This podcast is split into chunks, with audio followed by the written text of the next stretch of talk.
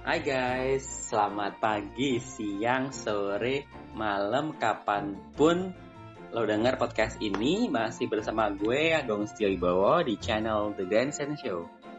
Pada kesempatan kali ini aku kedatangan uh, tamu yang sangat spesial.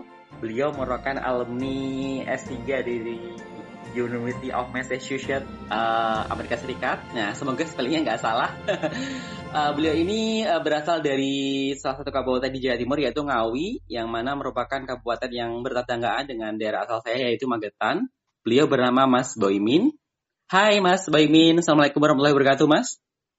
Hai Mas Agung, Waalaikumsalam warahmatullahi wabarakatuh. Uh, Oke, okay. Sebelumnya makasih sekali sudah menyempatkan uh, waktunya untuk uh, terhubung dalam podcast ini, Mas ya. Sama-sama Mas Agung, terima kasih atas kesempatan yang diberikan untuk berbagi pengalaman dengan teman-teman semua. Oh, oke. Okay. Gini Mas, uh, mungkin bisa diceritakan uh, masa kecil Mas Boymin uh, hingga uh, apa ya masa kuliah hingga dapat beasiswa ke Amerika Mas. Mungkin singkatnya seperti apa Mas? Ya, terima kasih Mas Agung. Saya namanya Bu Imin, khas nama Jawa gitu ya. Biasanya satu kata satu kata gitu. Lahir di Ngawi dari pasangan Ibu Wartini dan nama Tukirin.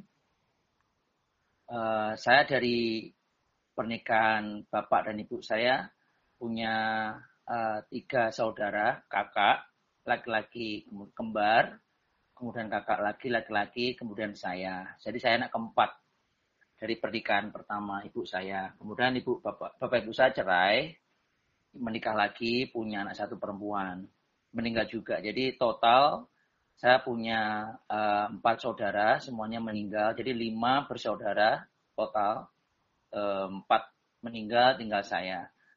Uh, itu uh, saya dilahirkan dari dari kondisi keluarga yang ya menurut teman-teman di Ngawi mungkin biasa ya. Iya. Kalau saat itu memang uh, kondisinya nggak seperti sekarang uh, uh, beras misalkan.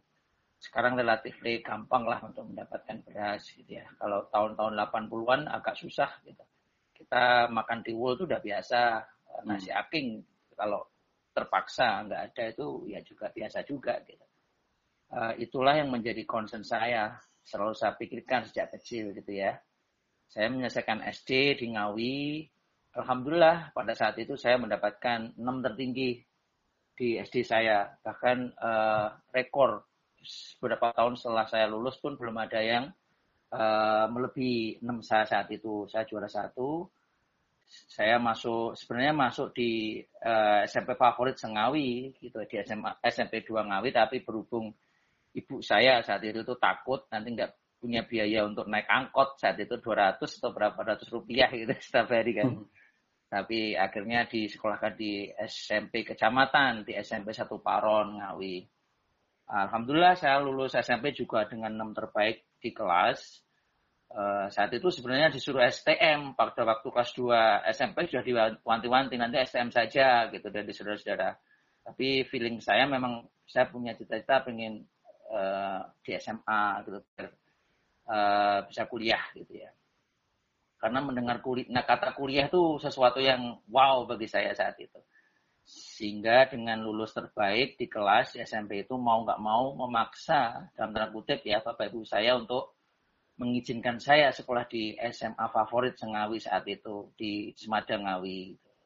Saya lulus dari Semadang Ngawi, eh, masuk di FPK, FPIK, Fakultas Perikanan Ilmu Kelautan, Universitas Brawijaya Malang saat itu uh, seleksi masuk universitas tidak seperti sekarang, ada banyak jalur ya kalau sekarang. Kalau saat itu tuh ada dua jalur yaitu PMDK dan reguler namanya UMPTN. Saya masuk lewat jalur UMPTN. Nah, ketika kuliah ini saya bertemu dengan orang-orang yang menurut saya belum pernah saya ketemui di Ngawi gitu ya. Banyak dosen-dosen yang inspiratif gitu, lulusan luar negeri, uh, lulusan Jepang, lulusan Eropa, bahkan lulusan Amerika. Gitu.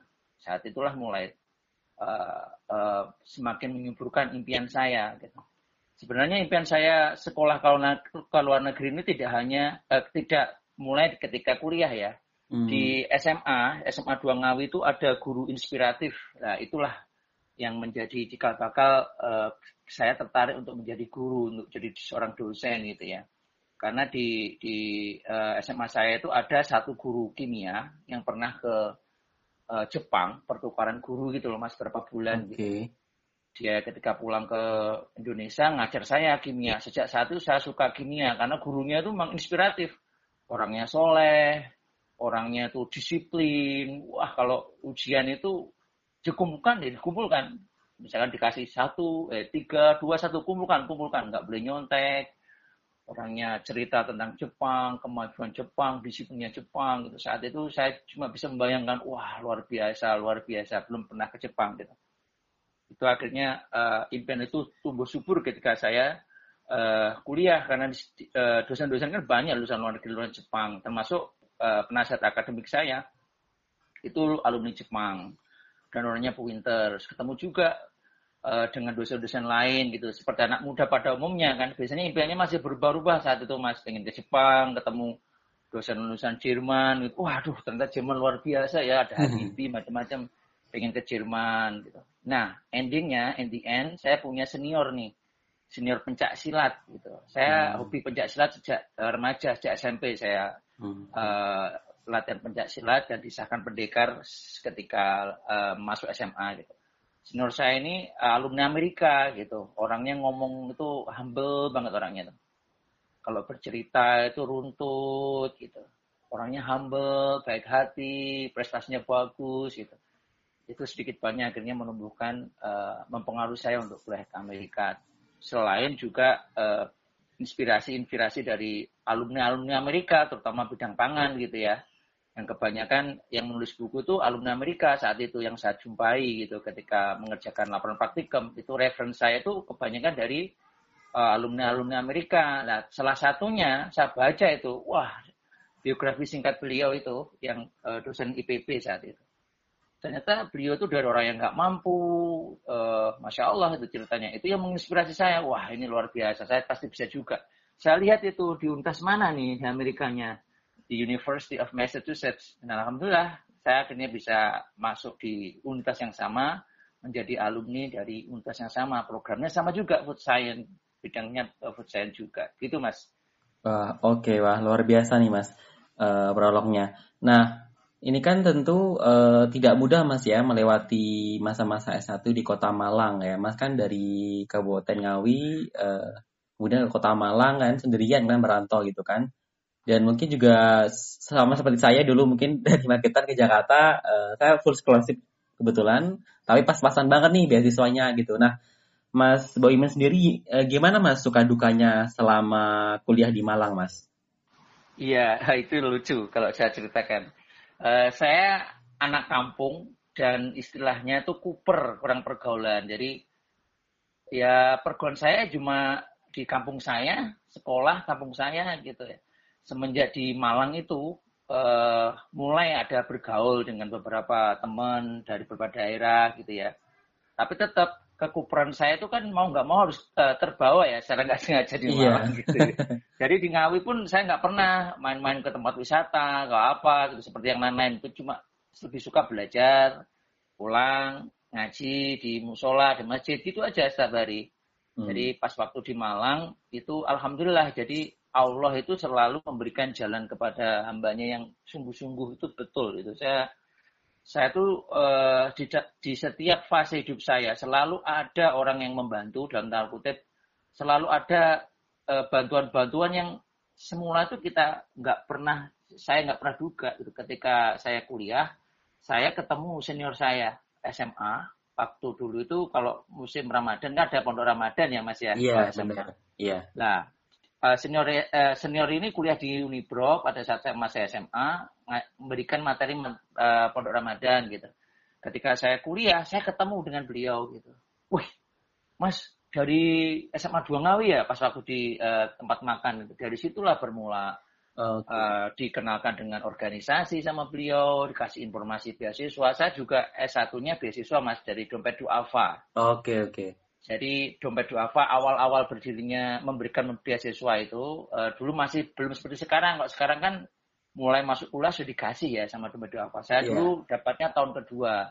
Oh, okay. uh, sebagai pertimbangan aktif organisasi, IP dan tidak mampu itu pada saat itu. Alhamdulillah dari dompet duafa itu saya dapat beasiswa yang lumayan itu jumlahnya dulu 250 ribu per bulan. Sementara SPP saya per semesternya 375. Jadi bisa bawa pulang uang itu ke rumah. iya, iya. Untuk Bapak Ibu. Itu, Mas.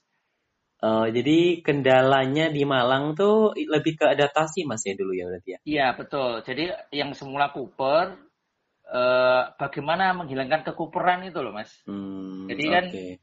pertama pasti nggak percaya diri kan dari Ngawi, iya. namanya yeah. Boimin gitu. Alhamdulillah ketemu dari senior itu, dimulai aja untuk uh, berorganisasi, dikenalkan organisasi kampus, saya mulai aktif juga di pencak silat gitu hmm. kan ikut-ikut ya TC training center pada akhirnya nanti ikut jadi atlet gitu kan um, menambah percaya diri gitu itu semua masya Allah gitu ketemu orang-orang yang secara nggak sengaja ya bisa mewarnai hidup saya gitu. Hmm.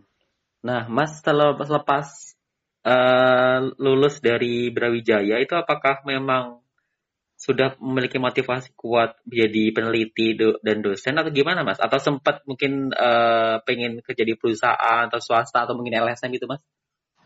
Ya, uh, seperti pada umumnya teman-teman yang mau lulus kuliah itu pasti galau ya. Iya. yeah. uh, mau kuliah S2 nggak punya uang ya kan, mau kerja jurusan saya teknologi perikanan. Saya tahu bidang kerjanya biasanya di cold storage gitu-gitu. Yeah. Saya pernah itu, waduh dinginnya minta ampun gitu. Sementara passion saya tuh memang uh, saya suka ngomong, saya suka uh, penelitian gitu. Sejak saat lulus, saya akhirnya memutuskan untuk stay di kampus, menawarkan diri ke dosen-dosen senior itu untuk bantu-bantu praktikum, jadi asisten dosen, meskipun udah lulus. Karena goal saya memang pengen jadi dosen, pengen kuliah luar negeri gitu kan. Cara yang paling uh, uh, istilahnya paling bagus untuk bisa keluar kuliah ke luar negeri kan menjadi dosen kan mas saat yeah, itu ya. Benar-benar. Belum seperti sekarang. Sekarang kan ada LPDP macam-macam yeah, jadi saat itu yeah. memang harus jadi dosen kalau keluar ke negeri hmm, gitu. Oke. Okay. Akhirnya saya uh, jadi asisten praktikum dulu, terus uh, jadi koordinator asisten praktikum, terus dikasih amanah dari dosen uh, untuk bantu-bantu ya apa buat apa buat apa akhirnya ditingkatkan terus Dulu hmm. awal-awal dipercaya untuk hanya fotokopi, ngumpulin bahan, nanti dibuat untuk buku oleh dosen itu.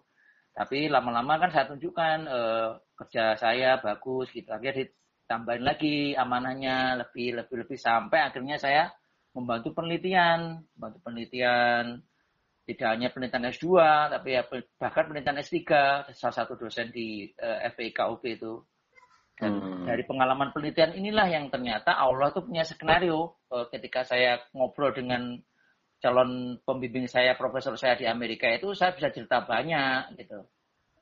Karena saya punya pengalaman banyak sekali penelitian itu. Hmm. Bahkan penelitian S3 sekalipun gitu. Saya hmm. bantu mengerjakannya. Itu Mas, uh, okay. kenapa uh, ternyata hidup kita itu uh, bagikan titik-titik itu loh Mas. Yeah. Kita nggak tahu pada saat buat titik. Gitu. Seperti hanya saat ini saya ketemu Mas Agung, Sebenarnya 2015 ya Mas ya kita silaturahim itu. Saya masih di Amerika awal-awal itu. Oh iya iya. Tapi in the end nanti kita akan tahu titik-titik itu sebenarnya sama Allah tuh mau membuat gambar apa. Gitu. Oh iya. Oke, okay. nah Mas Boymin, uh, jadi Mas kan uh, lulus Brawijaya kan uh, jadi asisten ya, peneliti yeah. dosen atau peneliti di Brawijaya kan Mas ya di Alma Mater. Hmm. Nah, kalau boleh tahu uh, berapa ja, berapa tahun atau berapa lama jarak Mas lulus sampai mendapatkan scholarship ke Amerika, Mas? Berapa ya. tahun itu?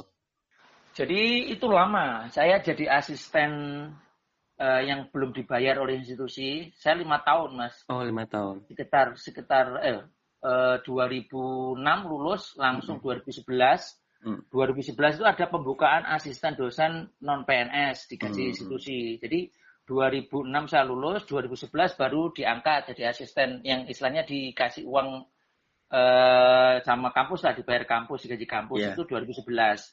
Um, sejak 2011 itu peluang-peluang mulai terbuka, saya ikut uh, program bahasa macam-macam gitu kan. Selalu dosen lah istilahnya saat itu, non PNS tapi masihnya. Terus 2011, 2014 saya dapat beasiswa LPDP-nya mas. Hmm. 2015 saya berangkat ke Amerikanya gitu. Hmm. Oke. Nah, seperti kita uh, ketahui Mas, kalau misalkan uh, peneliti atau asisten dosen atau asisten uh, lab di kampus itu kan banyak banget kesempatan ya Mas. Mungkin uh, bisa diceritakan Mas, uh, kenapa Mas memilih LBDP? Kan juga banyak sekali nih Mas, beasiswa kayak Dikti, Fulbright, Chevening, Erasmus Mundus, beasiswa pemerintah Korea, Australia, dan lain-lain. Kenapa memilih eh, LPDP Mas? Dan kenapa kenapa harus Amerika gitu Mas? kalau memilih LPDP itu sepertinya itu takdir saya. Oke oh, oke. Okay, okay. Karena saya dulu ini mas, uh, sebenarnya nggak pilih-pilih beasiswanya apa. Oke. Okay. Saya pernah daftar prestasi yang ke Amerika juga kan, tapi bidangnya itu kan susah ya kalau okay. uh, beasiswa prestasi itu mas yang ke Amerika yeah, itu. Iya yeah, iya. Yeah. Untuk bidang food science itu. Terus uh, eh, USAID, ya Amina Fulbright juga gitu kan kebanyakan kan untuk pendidikan, untuk yeah. ini nggak tahu lah. Ya endingnya saya malah dapat S3 di LPDP gitu. Hmm. Ya per satu saya siap juga sudah uh, TOEFL-nya sudah uh, di atas 550. Ya alhamdulillah akhirnya ada, ada peluang di LPDP masih awal-awal itu LPDP. Yeah, saya yeah. daftar masuk gitu.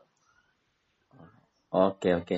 Nah, Mas dengar-dengar Mas kan uh, dari S1 langsung loncat S3 karena kan di Amerika kan uh, sistemnya memungkinkan. Itu bisa diceritakan Mas uh, gimana perasaannya ketika langsung bisa diterima S3 Mas dan gimana drama atau mungkin cerita di balik uh, perjuangan Mas tuh Mas uh, dari S1 langsung bisa S3 gitu Mas. Prosesnya yeah, itu. Iya, yeah, uh, itu unpredictable sebenarnya. Uh, saya mencari beasiswa itu untuk S2. Iya. Yeah. Uh, karena saya S1 ke mana-mana cari beasiswa S2 termasuk ke uh, eh, ADS juga termasuk pengen ke Australia juga pernah yeah, kan yeah. hampir give up itu wajar mas yeah. Iya. uh, dalam hidup itu kan kadang-kadang gitu tapi Allah ternyata uh, in the end mengarahkan lagi saya ke Amerika jadi waktu S1 seperti saya ceritakan tadi saya banyak membantu dosen meskipun nggak digaji institusi ya yeah. cuma dikasih uang makan lah sama dosen hmm. gitu. nggak hmm. bukan pegawainya kampus hmm. gitu. saya kerja sama dosen Alhamdulillah bapak saya ini saya anggap sebagai mentor sama bapak saya di kampus itu hmm. dari amanah kecil bisa dipercaya kerjanya bagus kemudian ikut dikasih kesempatan untuk membantu penelitian beliau S3 gitu hmm. dari situ kerjanya kelihatan bagus kan ada progres loh penelitiannya kok bagus saya hmm. serius gitu hmm. e, memelihara tikus wah banyak yang saya lakukan nih saat itu.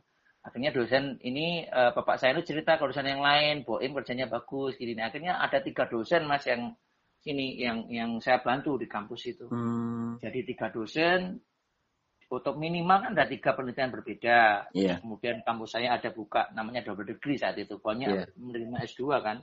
Hmm. Saya yang uh, disuruh uh, dalam tanda kutip membantu teman-teman S2 itu melakukan penelitian. Jadi saya tahu tuh penelitian S2 bagaimana merancang penelitiannya, hasilnya kayak apa, kualitasnya kayak apa. Nah, yang sangat uh, membantu saya untuk komunikasi dengan profesor sehingga saya disuruh S3 itu penelitian S3, Mas. Hmm. Kebetulan uh, penelitian S3 dari mentor saya itu susah gitu. Jadi terkait hmm. diabetes, uh, tikus diabetes, terus kemudian dikasih treatment uh, ekstrak dari rumput laut coklat, gitu, sargasum saat itu itu susahnya minta ampun untuk membuat tikus diabetes aja nggak mudah gitu. Hmm. apalagi saat itu saya dan uh, dosen ini akhirnya berhasil membuat uh, penelitian itu bahkan satu tahun full itu nggak ada libur kami berdua. Wow. Dan itu yang saya ceritakan uh, ke profesor saya ketika setelah diterima PDP S2 saya kontak profesor nih gitu. Kamu ditulis di sini ada pengalaman ini ya memelihara tikus ya? Iya saya tidak hanya memelihara tikus saya mem membuat kasihin sendiri, kemudian membuat pakan tikusnya sendiri sehingga ini apa nggak mahal gitu. Wah, terus kemudian saya juga pengalaman e, penelitian di Meringis, bantu profesor yang lain, saya juga punya pengalaman ini itu gitu. Basically kalau orang sudah punya pengalaman penelitian itu, apalagi suka penelitian, nanti dikasih tema apa pun biasanya juga berhasil kan mas. Mm, yeah. Nah, itulah profesor saya, udahlah kamu kalau gitu langsung S3 aja deh Loh, lah nanti gimana beasiswa saya S2? Coba kamu ngobrol sama uh, ini, uh, ngomong sama beasiswamu PDP. Kalau profesor saya menyuruh uh, saya langsung S3 gimana? Gitu. Hmm. Saya ngomong sama LPDP saat itu masih memungkinkan gitu kan. Kalau memang profesornya mengendaki langsung S3 malah enak kan gitu. Hmm. Akhirnya saya ngomong sama LPDP, alhamdulillah saat itu disetujui. Akhirnya saya berangkat ke Amerika untuk menempuh S3. Demikian hmm. Mas. Oke. Okay. Nah, kalau kita amati Mas ya, setiap beasiswa kan memiliki apa ya, uh, ciri khas sendiri ya Mas ya. Dan tentu kalau saya baca-baca atau de atau dengar dari teman-teman yang sudah selesai S3 itu kan tantangannya berbeda-beda. Nah, kalau dari Mas Boyman sendiri uh, ketika mempersiapkan uh, S3 nih ke Amerika, Mas, apa sih uh, persyaratan uh, yang paling menantang atau apa sih uh, pengalaman yang paling membuat Mas tuh uh, apa ya deg-degan Mas? Atau kesulitan yang terbesar di bagian mana Mas? Apakah uh, mengejar TOEFL IELTS-nya atau mungkin mencari profesornya atau apa Mas? Gak boleh tahu Mas. Iya, uh, ini menarik nih. Uh, uh, kalau awal-awal untuk mencari beasiswa pasti TOEFL. Kalau beasiswa mas ya. Mm -hmm.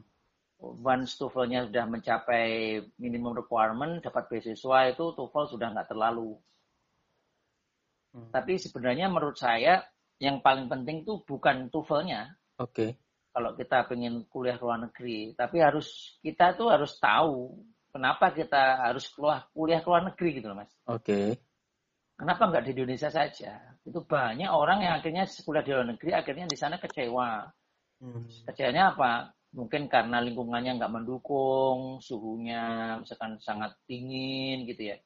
Pokoknya kan ada, uh, banyak teman-teman yang hanya istilahnya kalau bahasa Jawa itu manut ubyuk gitu kan. Iya. Yeah. Luar negeri keren gitu kan. Kelas di mana? Di ini itu. Tapi setelah sampai di sana ternyata nggak sesuai dengan apa yang diharapkan gitu. Mm. Dan untuk untuk untuk ini perlu dijawab ini uh, teman-teman yang mau kuliah luar negeri itu kenapa kamu kuliah ke luar negeri sebelum mendapatkan jawaban yang pasti yang keren jangan berangkat dulu.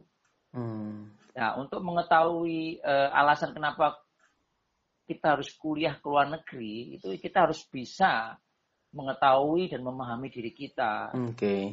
Ya kan? Kalau yeah. kita misalkan mau jadi wirausahawan gitu. Mm apakah kita perlu kuliah ke luar negeri kecuali kalau kita ingin jadi wirausahawan yang benar-benar pakai ilmu yang terbaru gitu ya yeah. terkait dengan uh, eh, IT misalkan itu perlu gitu tapi kalau kita ingin jadi wirausahaan pertanian misalkan atau di bidang yang lain yang kira-kira di Indonesia justru mungkin lebih maju dari sana gitu. Mungkin ya.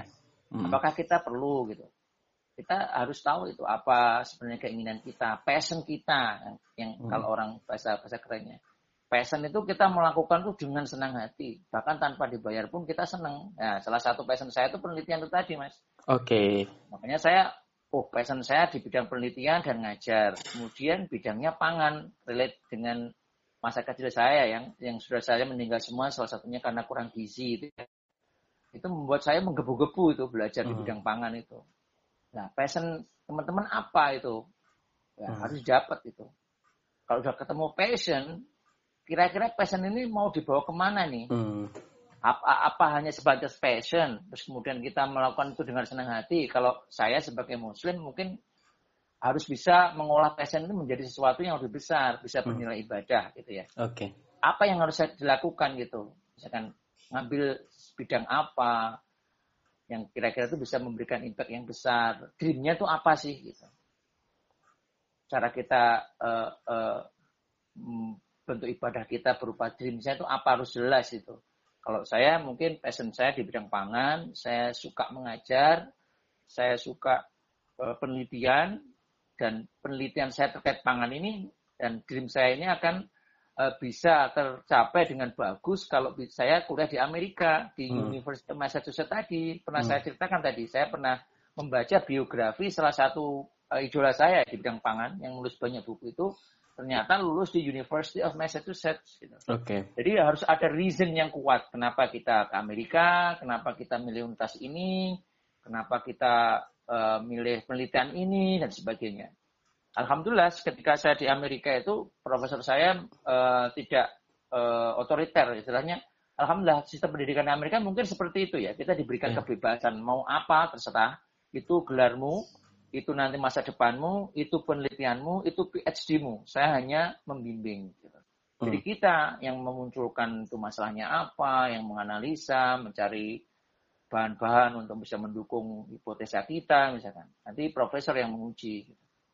Mungkin itu Mas Agung. Oke, kebetulan eh, 2005 2016 saya juga apa ya pernah ya eh, mau lo- lo- eh, melanjutkan studi di luar negeri atau S3. Cuman karena satu dan la- lain hal dan mungkin Allah belum meridhoi saya atau mungkin usaha saya yang kurang. Ya, salah satunya karena mungkin eh, saya kesulitan ini Mas, apa namanya? em, menentukan topik riset ya karena kan eh, dulu waktu itu saya belum jadi dosen ya baru lulus S2 dari UI pengen S3 di luar gitu kan. Eh, kesulitan itu apa namanya mencari topik yang memang benar-benar membuat apa ya kita punya greget gitu. Nah kalau Hmm. Mas Boyman sendiri eh, ada nggak sih kayak kesulitan dalam menentukan topik riset gitu kan? Kan kalau Mas pernah jadi peneliti di mana di Brawijaya kan pasti banyak banget kan topik yang dieksplor gitu kan. Nah apakah Mas Boymin juga mengalami kesulitan ketika memilih fokus penelitian Mas yang akan dijadikan apa ya research question dalam S3 Mas? Iya, iya. Untuk khusus S3 ya, Iya. S3 ini jangan coba-coba kalau kita nggak siap. Oke, oke, oke. Jadi untungnya, tapi ada untungnya juga bagi teman-teman yang nggak tahu gitu. ya. Saya dulu termasuk orang yang nggak begitu paham. S3 itu pokoknya S3 aja gitu. Kata orang penelitiannya susah, gini, gini, gini. Gitu. Tapi alhamdulillah saya punya bekal penelitian yang di kampus itu mas, penelitian Oke. S3 di kampus itu. Oh. Itu susahnya minta ampun itu. Itu pernah eh, senior saya itu bapak saya itu pernah melakukan penelitian itu bertahun-tahun dan gagal terus. Alhamdulillah kita dikerjakan dengan saya berhasil. Dari situ saya banyak belajar.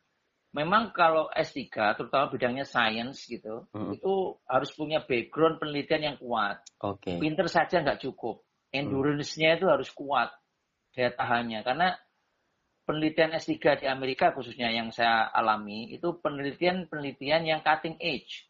Oke. yang istilahnya itu belum banyak yang melakukan masih di ujungnya gitu loh mas. Oke. jadi kita harus punya tema yang baru dan belum banyak itu uh, reference. Kita harus mencari sendiri berpikir sendiri bahkan harus merenung lama gitu bahkan setelah kita melakukan di tengah jalan ternyata ada keluar jurnal waduh hasilnya beda gitu. Pusing sendiri nanti.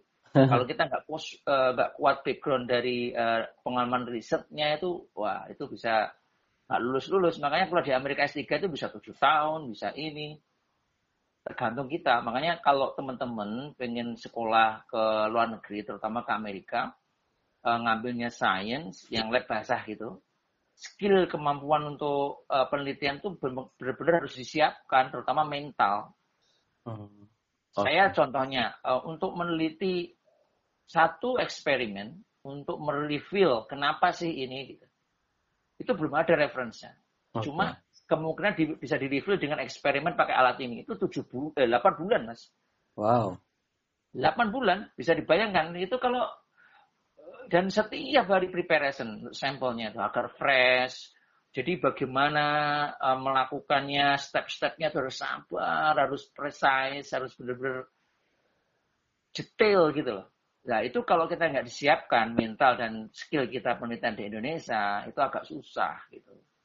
Hmm. Nah, makanya kalau teman-teman S2 sih masih nggak terlalu lah ya. Kalau untuk S3 apalagi bidangnya science, lab bahasa di Amerika atau mungkin di luar negeri juga sama ya mungkin di negara lain. Saya kurang tahu kalau di Amerika seperti itu kebanyakan. Hmm. Oke, nah sekarang eh, balik lagi ke ini eh, selama di Amerika. Apa sih kendala terbesar atau yang paling eh, tantangan yang paling utama ketika Mas Boymin eh, studi di Amerika, Mas? Tantangan terbesar itu eh, kita kadang-kadang culture shock ya. Oke. Ya itu pasti itu. Karena di Indonesia kulturnya kayak gini bareng guyup itu kan mas. Iya. Kalau di Amerika itu lebih individual dan persaingan tuh sangat ketat di kampus itu. Eh, kalau di Indonesia itu gampang, sering kan kita ngobrol apa yang kita teliti di lab gitu.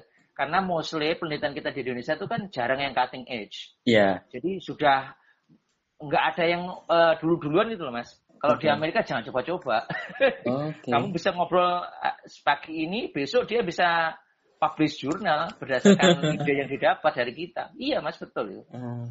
Jadi individual kompetisinya itu luar biasa, tidak hanya tidak hanya antar uh, departemen, antar fakultas, antar lab satu departemen itu bisa terjadi. Mas. Hmm. Dan wah itu luar biasa, terutama penelitian-penelitian yang kiranya ke depan itu bisa mendatangkan project, gitu. penelitian-penelitian hmm. cutting edge yang fondasi banget gitu.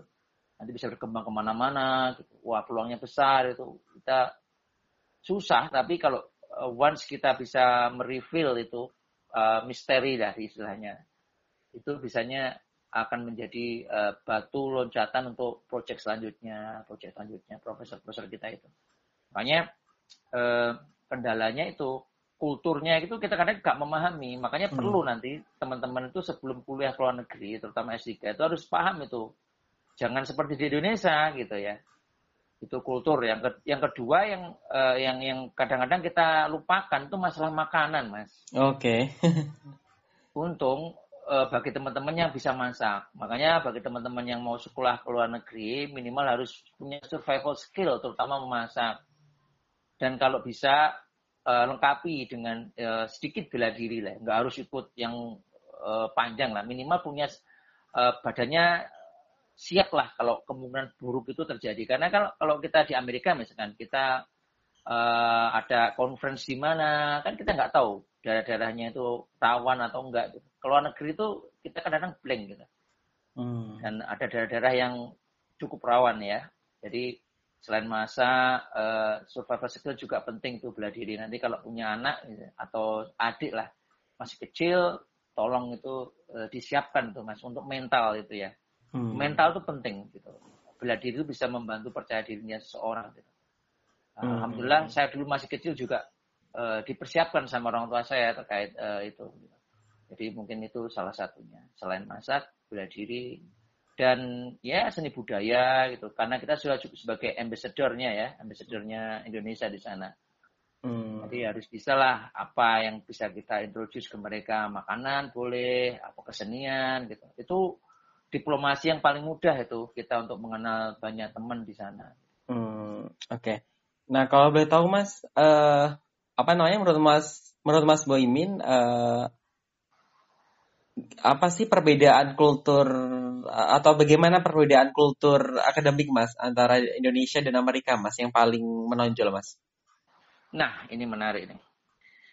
Kultur akademik di sana itu uh, yang mungkin yang perlu di highlight itu masalah plagiarisme. Oh, Oke. Okay. Itu yang kadang-kadang teman-teman nggak tahu gitu. Di Indonesia itu anggapnya biasa aja gitu. Kalau uh, uh, kultur akademik di sana memang kita dituntut apa yang kamu tulis itu ya buah pikiranmu. Hmm. Setelah mengolah informasi yang kamu dapat dari buku, dari jurnal, kamu olah sendiri dengan kata-katamu sendiri. Hmm. Menjadi sebuah tulisan. Nah, yang challenging kuliah di luar negeri, terutama di Amerika yang pernah saya alami itu, setiap mata kuliah biasanya itu ada apalagi yang program doktor pasti itu writing hmm. tugas writing itu satu kul mata kuliah bisa dua tiga mas satu semester wow. kalau kita ngambil tiga mata kuliah itu sembilan kali writing kan yeah. dan writing jangan di jangan disamakan dengan Indonesia uh, misalkan buat makalah itu loh di Indonesia yeah. kan mungkin satu jam selesai tinggal yeah. copy paste nanti titik koma dosen pun kadang-kadang jarang nggak di nggak dikoreksi kan pokoknya namanya ada yeah. udah bagus kelihatannya langsung dinilai. Kalau di sana enggak. Okay. Di sana dosen tuh benar-benar membaca dan memberikan masukan. Dan kalau kita uh, ketahuan plagiarisme, hmm, itu bisa jadi uh, isu besar itu, bisa jadi masalah. Kadang-kadang bahkan sampai di DO oh. parah. Nah, misalkan contoh nih mas, uh, saya dapat um, apa tugas writing satu halaman gitu.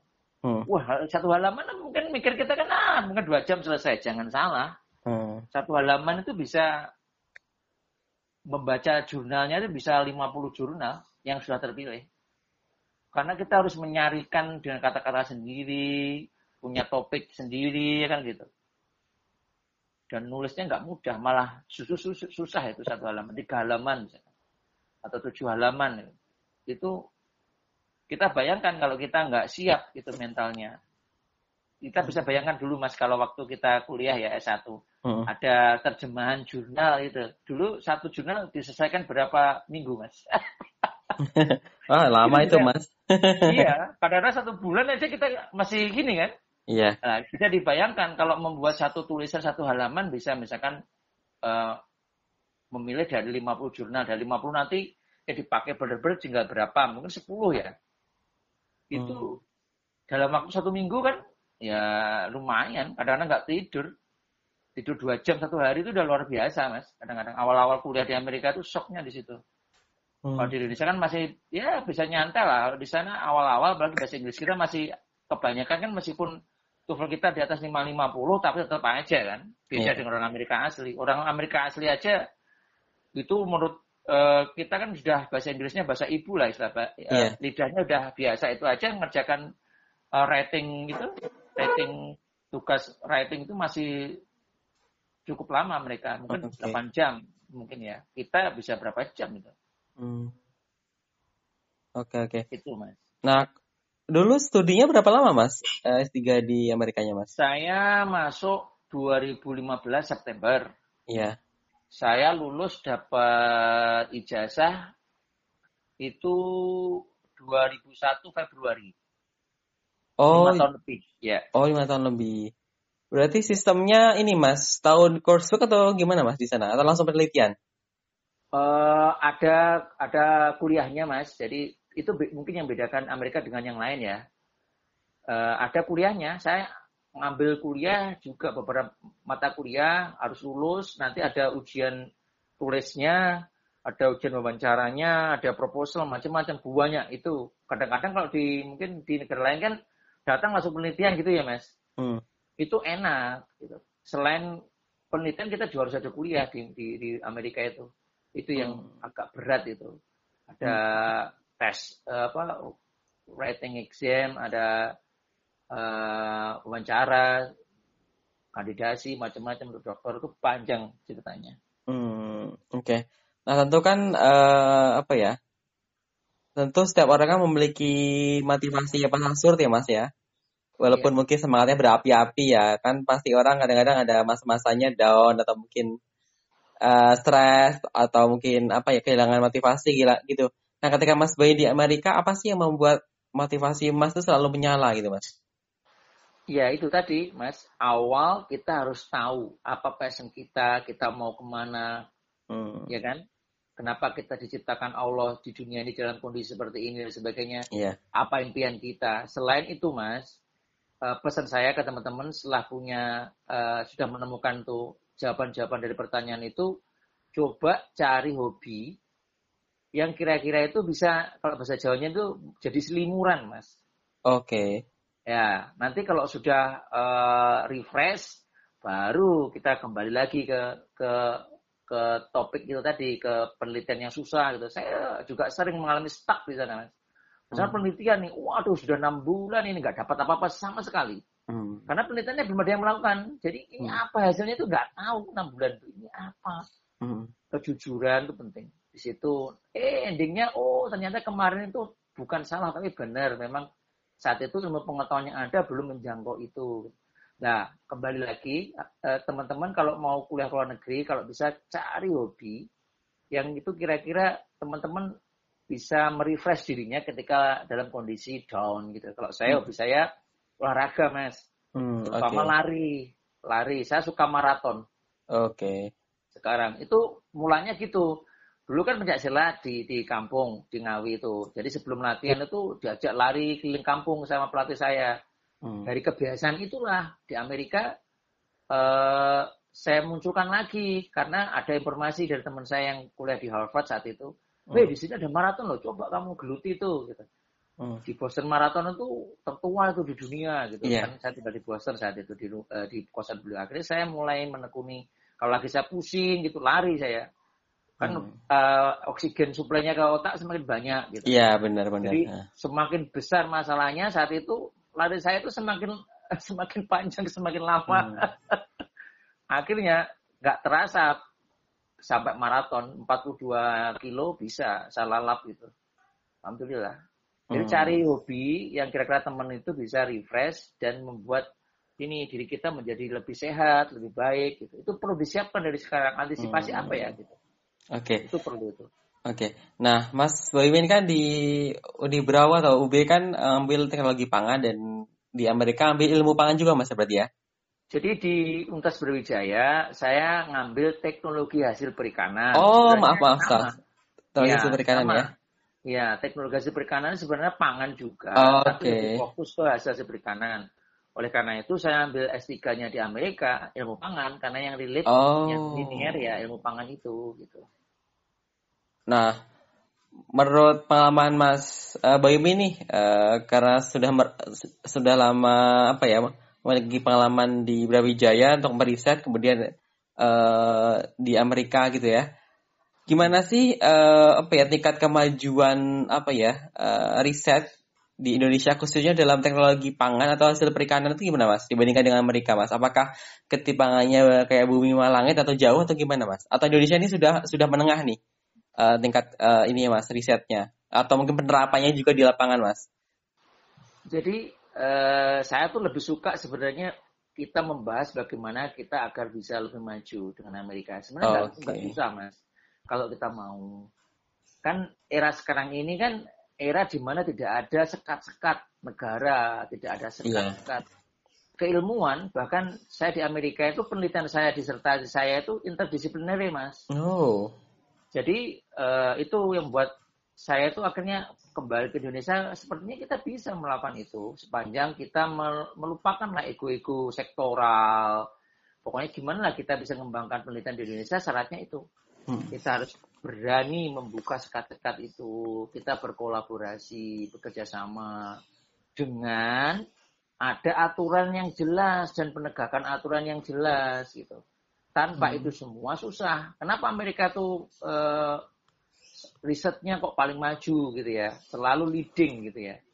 Ya karena ya itu interdisipliner. Di Amerika itu terutama penelitian S3 itu jarang ya enggak interdisipliner mas. Hmm. Penelitian saya itu lebih ke kesehatan, hmm. kerjasama dengan uh, ada di ada biologinya, ada biokimianya, ada unsur-unsur kesehatannya, macam-macam. Nah, yang penting itu bagaimana di Amerika itu ya, bagaimana menemukan ide, bagaimana kita bisa istilahnya membuat uh, analisa, men, uh, membuat sesuatu dari ide, ide ide kita itu menjadi sesuatu yang berguna, digunakan oleh misalkan perusahaan, ya kan? Hmm. Kalau di bidang saya mungkin banyak kan itu farmasi atau bidang pangan, perusahaan pangan gitu. Hmm. Bahkan NASA, saya pernah bantu penelitian uh, senior saya dulu awal-awal masih semester satu itu, hmm.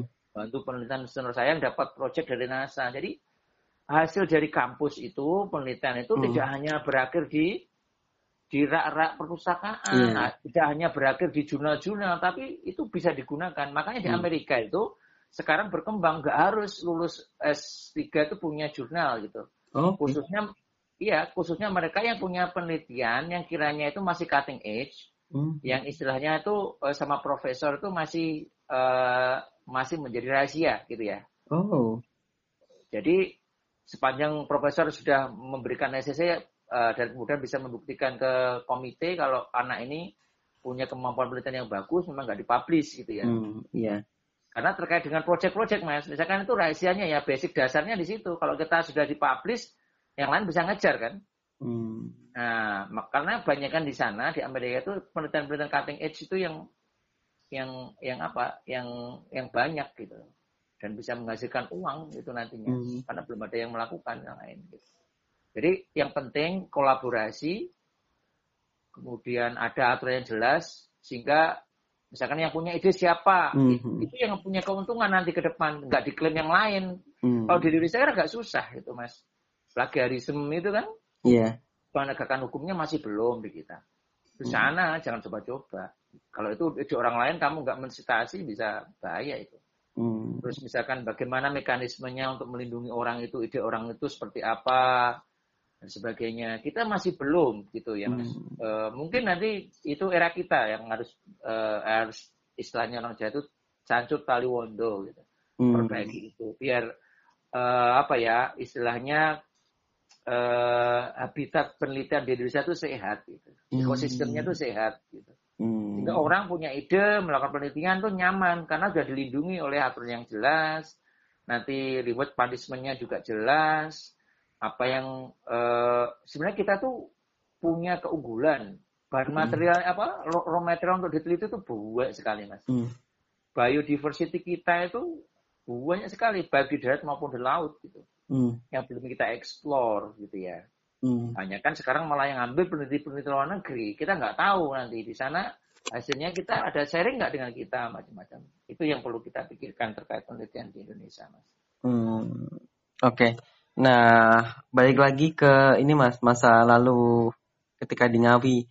Nah, uh, ketika SD atau SMP ya ya dan sampai SMA tentunya, um, apa sih motivasi Mas Boymin uh, kok belajarnya itu kayaknya luar biasa nih semangatnya gitu ya. Apakah karena memang uh, apa ya di tak orang tua agar berpendidikan tinggi atau memang terinspirasi guru atau memang apa mas? Ya itu mix. Saya juga punya guru SD yang menurut saya itu inspirasi bagi orang desa itu mas. Hmm. Jadi guru itu sudah luar biasa ya. Iya benar benar. Di kampung saya tuh nggak ada PNS guru tuh nggak ada. Jadi saat hmm. itu SD itu ada inspirasi saya selain orang tua saya ada guru. Gurunya itu bukan guru tetap masih guru sukuan. Oke. Okay. Itu anak yatim piatu mas. Oh. Ikut orang jadi guru. Loh bagi saya itu udah luar biasa. Hebat ini anak yatim piatu nanti jadi guru olahraga. Kemudian mendidik teman-teman saya. Saya pada saat itu masih uh, belum begitu suka olahraga SD itu. Iya. Om saya balapan lari aja dulu dengan teman-teman perempuan saya kalah. Jadi kalau guru saya tahu kalau saya secara fisik eh, SD itu masih lemah lah. Jadi yang lain tuh laki-laki sama laki-laki balapan lari sprint itu lah satu meter. Iya. Yeah. Kalau saya sama guru saya bukan dengan laki-laki. Lawan saya itu kan eh total tiga orang itu yang yang balapan. Lawan saya semua perempuan. Saya kalah Dari situ guru olahraga ini sering ngasih motivasi terus mendidik uh, apa poli sehingga tim SD saya itu uh, nomor dua sekecamatan itu bagi orang desa kampung itu satu hebat ini guru ini terus suatu saat guru ini tahu kan kalau saya tuh eh, tanya mengidolakan dia karena di kampung itu udah idola mas guru ditulis okay. di buku saya itu di mana ada uh, orang berusaha di situ pasti ada jalan di buku IPS itu masih ingat saya itu saya baca setiap hari uh berarti saya bisa jadi bapak ini. Itulah kenapa sekali lagi saya tuh uh, pengen jadi guru, jadi dosen. Hmm. Kenapa? Karena kalau kita jadi guru, kan jadi dosen itu bisa menginspirasi orang, ketemu orang-orang baru. Mungkin ke depan orang-orang yang ketemunya siswa-siswa kita atau mahasiswa kita itu bisa jadi pemimpin Indonesia yang membawa kemajuan ke bangsa dan negara. Kita nggak tahu. Amal jariahnya banyak. Itu, itu SD. Terus ibu hmm. saya itu luar biasa. Ibu, ibu hmm. saya dulu pinter mas sekolahnya itu. Hmm. Pinter ranking dua. Jadi awalnya yang masuk banyak kan perempuan. And the end lulus SD itu cuma dua perempuannya. Di hmm. antara laki-laki yang lumayan lah tanya. Ibu saya ranking dua. Hmm. Tapi nggak dilanjutin sekolahnya sama mbah saya karena orang kampung kan oh, perempuan mau ke mana lagi kan gitu.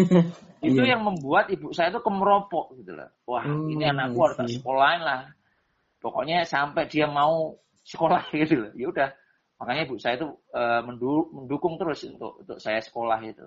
Meskipun nggak mampu ya, tapi selalu menyemangati uh, dan mendukung untuk sekolah. Karena pengalaman ibu saya juga itu mau sekolah tapi nggak bisa. Hmm. Saya uh, pernah ini ya lihat di YouTube ya uh, tentang profil orang tua Mas dan Mas Boy sendiri. Katanya dulu ini ya sering dicemooh ya Mas ketika Mas memutuskan untuk kuliah di Brawijaya, tangga-tangganya banyak mencemooh gitu Mas ya. Ya karena kurang tahu uh, sebenarnya ke, uh, mereka melakukan itu karena kurang paham dan kurang tahu mas. Saya termasuk jangankan kuliah mas, yang lulus SD kemudian melanjutkan SMP aja bisa dihitung jari. Hmm, okay, okay. Di kampung saya itu SD-nya masih benar-benar pelosok. Kalau sekolah nggak pakai sepatu, pakai sepatunya di Senin saja kalau masuk pacaran. Jadi lulus SD yang satu mau nggak mau bapak ibu saya kan harus melanjutkan. Bapak ibu saya bilang gini, kamu kalau masuk negeri saya lanjutkan. Gitu. Ya udah saya berusaha belajar keras masuk SMP 2 Ngawi sebenarnya. Masuk SMP 2 Ngawi cuma ya karena itu Ngawi kan jauh dengan Paron Mas, harus naik angkot Iya. gitu. Iya. 200 itu berapa satu hari itu? Wah, saat itu uang segitu mas besar bagi orang kampung, Mas. Iya. Akhirnya dimasukin SMP kecamatan, saya naik sepeda ke sekolah yang dekat lah. Oh, oke oke oke.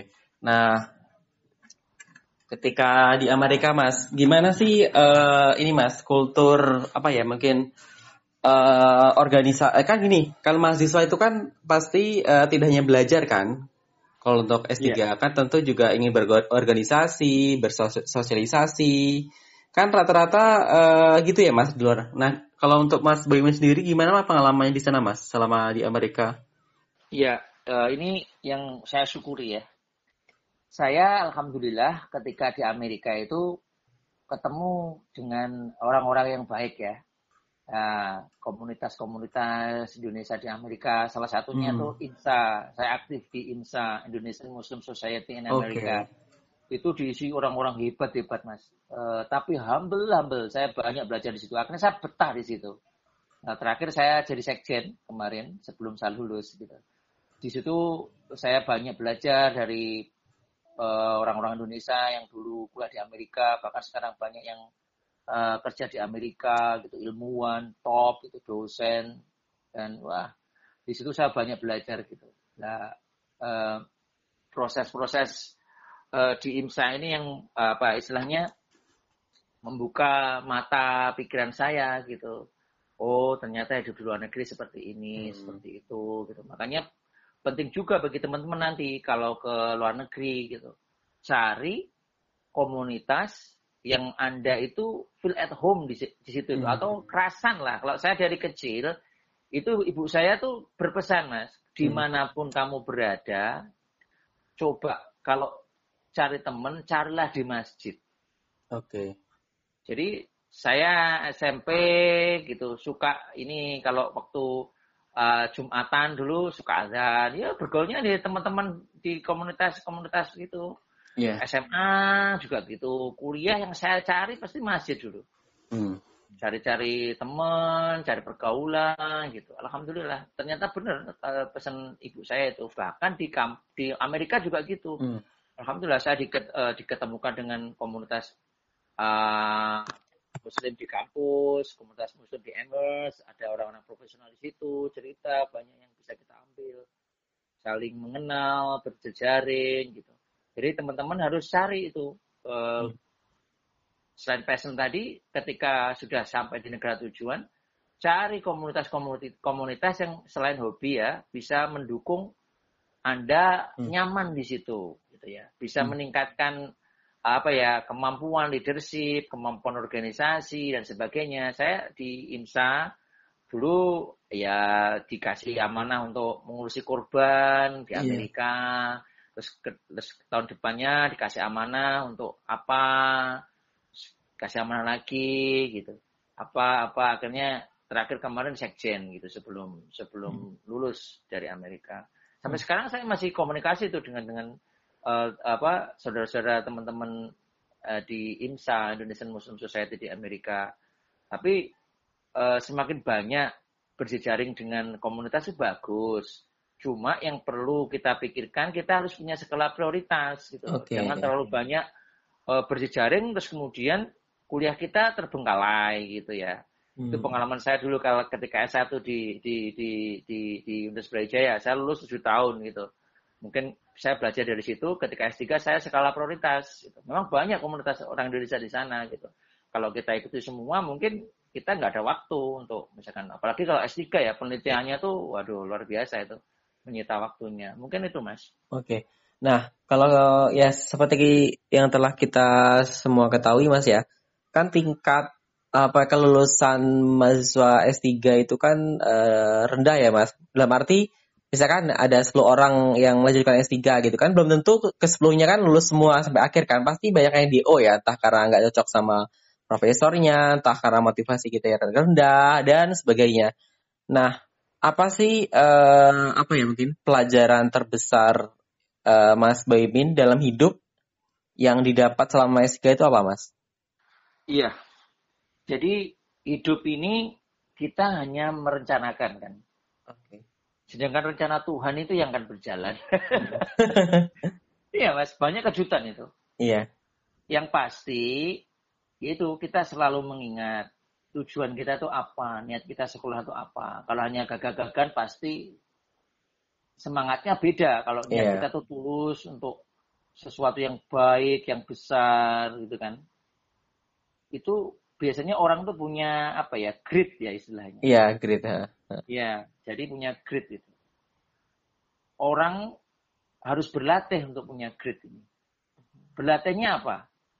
Ya, ya itu. Kalau di Indonesia mungkin harus aktif organisasi, harus berlatih dicaci orang, harus berlatih gagal gitu kan. Hmm. Kadang-kadang orang-orang itu melihat, wah enak ya mas ini sukses sudah ini lulus gini. Ya itu yang tampak gitu. Kegagalannya jauh lebih banyak kan gitu. Iya. Nah, grit inilah yang yang harus di- dilatih. Eh, saya eh, eh, ada sedikit tips ini, teman-teman. Kenapa saya suka maraton? Karena maraton itu melatih grit pada diri kita. Grit itu bisa dilatih dengan eh, deliberate exercise. Jadi, Iya. jadi latihan yang ada target. Hmm. Bukan latihan yang pokoknya lari lari ini 5 kilo besok ya 4 kilo 3 kilo ters- terserah aku lah. Enggak jadi bedanya kalau misalkan kita contohnya lari Eh, minggu ini saya 5 kilo besok mungkin 5 kilo tapi waktu saya lebih cepat. Bisa ada target. Hmm. yang intinya itu ada improvement improvement improvement improvement improvement. Itu yang melatih kita. Itu saya dapat ketika saya melakukan penelitian dengan eh, mentor saya bapak saya di kampus di Brawijaya itu juga gitu, gitu. Hmm. saya bisa li- melakukan improvement membuat kasein Hmm. minggu ini dari 10 liter susu bisa cuma berapa dulu tuh 50 gram atau 15 gram itu Hmm. sampai akhirnya saya bisa membuat 150 gram Hmm. karena ada improvement improvement terus apa ini terus terus itulah yang eh, mendidik saya itu terkait penelitian dan eh, grid pada umumnya teman-teman juga harus gitu gitu kalau sudah punya punya tujuan ya harus ada target Hmm. Nah, biasakan nggak harus orang besar ya ah, secara reguler terus yang penting kecil kecil kecil kecil kecil terus gitu hmm. Nah, rencana Tuhan tuh gini, Mas. Saya punya punya pengalaman gini. Menurut kita kan salah tuh data penelitian. Iya. Nah, kalau kita nggak punya niat yang bagus, kita nggak punya sesuatu yang yang yang menjadi sandaran eh, kita, akhirnya kita kadang-kadang bisa curang kan. Iya. Pokoknya data diubah sesuai keinginan kita. Akhirnya nanti di tengah jalan itu kan bingung sendiri kalau penelitian S3 ya. Hmm. Apalagi penelitiannya cutting edge gitu, tema-temanya. Jangan biarkan saja data itu berbicara. Kalau Hmm. sekarang datanya berbicara seperti itu ya nggak apa-apa, simpen Hmm. aja. Hmm. Mungkin memang pengetahuan sekarang belum bisa mengcover itu, bisa belum bisa menjelaskan. Hmm. Simpen saja, terus terus terus terus nanti end kadang-kadang data yang menurut kita yang kita simpan, yang yang menurut kita itu nggak berguna, itu lima tahun lagi, wih keren Hmm. ini ternyata data ini, wah keren banget. Itu yang saya saya alami kemarin. Hmm. Jadi jadi jadi intinya eh, rencana Tuhan itu yang akan berlangsung, yang akan terjadi. Rencana kita itu ya kita boleh berencana sebaik mungkin perencanaan itu harus kita lakukan. Tapi kita jangan jangan bersama lupa bahwa kita tuh ada yang punya. Kalau kita punya niat yang baik, niat yang Hmm. tulus biasanya itu akan bisa survive. Hmm. Tapi kalau kita niatnya sudah nggak jelas, nggak ngambang, kemudian orientasi hidup kita nggak jelas, ya agak susah memang untuk bisa Hmm. bertahan. Makanya Ya. pesannya itu, luruskannya dulu, tahu passion kita, Bismillah, lakukan. Oke, nah, oke sekarang apa pesan-pesan Mas Boymin kepada para pendengar podcast ini yang ingin melanjutkan studi S3 Mas ya, di mana pun itu khususnya di Amerika Mas? Hmm. Ya, ini pesan saya, kalau teman-teman ingin sekolah ke luar negeri, satu, harus paham siapa dirinya, apa tujuan hidupnya, dan ingat, hidup itu cuma sekali. Kita itu pengen dikenang sebagai apa? Minimal oleh anak cucu kita lah. Itu bisa menjadi penyemangat kita ketika kita dalam kondisi down. dan penyemangat kita untuk uh, terus terus melakukan uh, mendapatkan achievement achievement gitu ya bukan untuk apa-apa banyak orang-orang yang umurnya singkat contoh Pak Dirman ya kan hmm. Cinta Sudirman tapi legasi yang ditinggalkan untuk Indonesia terutama bapak-bapak kita di TNI luar biasa hmm. itu perlu kita tiru bukan seberapa panjang umur Anda bukan seberapa ganteng Anda, bukan seberapa hebatnya Anda di bidang tertentu, tapi yang jauh lebih penting itu legasi apa yang ingin kita tinggalkan hmm. untuk anak cucu, untuk bangsa dan negara ini. Insya Allah lah, kalau kita punya uh, niat yang baik, ya pasti nggak mudah. Tapi insya Allah sedikit demi sedikit kita akan bisa mewujudkan. Seberat apa pun pasti ada jalan sepanjang kita selalu di jalan yang menciptakan kita. Karena beliau Allah yang Tuhan yang Maha Esa itu lebih tahu dari kita. Hmm. Kita hanya bisa berencana, rencana Allah yang akan terjadi. Oke. Okay. Nah ini pertanyaan terakhir nih Mas. Uh, apa pesan-pesan Mas Bebin kepada para pendengar podcast ini yang ingin uh, apa ya menjadi penerima atau ingin mendaftar beasiswa LPDP Mas? Ya, ini ini sering ditanya oleh saya. Satu, pesan saya, jadilah diri sendiri.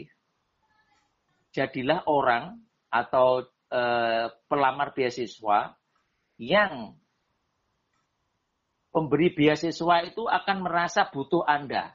Oke. Okay. Karena kemampuan Anda, karena pengalaman Anda, karena leadership Anda, karena motivasi Anda gitu. Sehingga kalau nggak menerima Anda, mereka akan rugi. Atau kalau misalkan LPD, LPDP, maka Indonesia akan rugi kalau nggak memberikan beasiswa itu ke Anda. Anda lebih tahu apa kemampuan Anda itu terus sekali. Intinya harus ada benang merah antara impian Anda ke depan dengan apa yang Anda lakukan saat ini dan dengan apa yang Anda pernah lakukan di masa lalu. Kalau Anda bisa membuat tiga hal ini solid, Anda bisa menjelaskan dengan baik, dengan bukti-bukti ya, bukan dengan hanya kata-kata gitu. Itu hanya waktu tinggal waktu aja untuk mendapatkan beasiswa gitu. Dan and, uh, yang paling penting itu salah satu bukti bahwa kita itu setelah menerima beasiswa akan memberikan manfaat tidak hanya kepada diri kita, tapi orang-orang di sekitar kita. Salah satunya apa? Kegiatan-kegiatan sosial yang pernah kita lakukan selama ini. Itu menunjukkan, oh anak ini berjuang tidak hanya untuk dirinya, tapi untuk kemaslahatan orang banyak. Pasti pemberi beasiswa itu akan, oh kalau saya memberikan beasiswa ke orang ini, impact-nya itu tidak hanya ke dia, tapi ke hmm. orang banyak. Gitu multiplier hmm. effect gitu. Hmm. Nah itu perlu dipikirkan dan perlu disiapkan teman-teman gitu. Hmm. Oke oke. Nah tak terasa sudah lebih dari satu jam uh, obrolan kita Mas Boymin ya. Terima kasih banyak atas kesediaannya menjadi tamu dalam podcast ini. Ya saya doakan semoga Mas Boymin uh, semakin menjadi inspirasi bagi generasi muda Indonesia khususnya di dalam bidang pendidikan dan teknologi pangan Mas ya. Terima kasih Mas Agung. Ya, nah bagi para pendengar podcast ini uh, terus dengarkan podcast ini karena setiap minggunya akan menghadirkan tamu-tamu inspiratif yang akan memberikan insight untuk kehidupan uh, teman-teman yang lebih baik. Sampai terhubung kembali.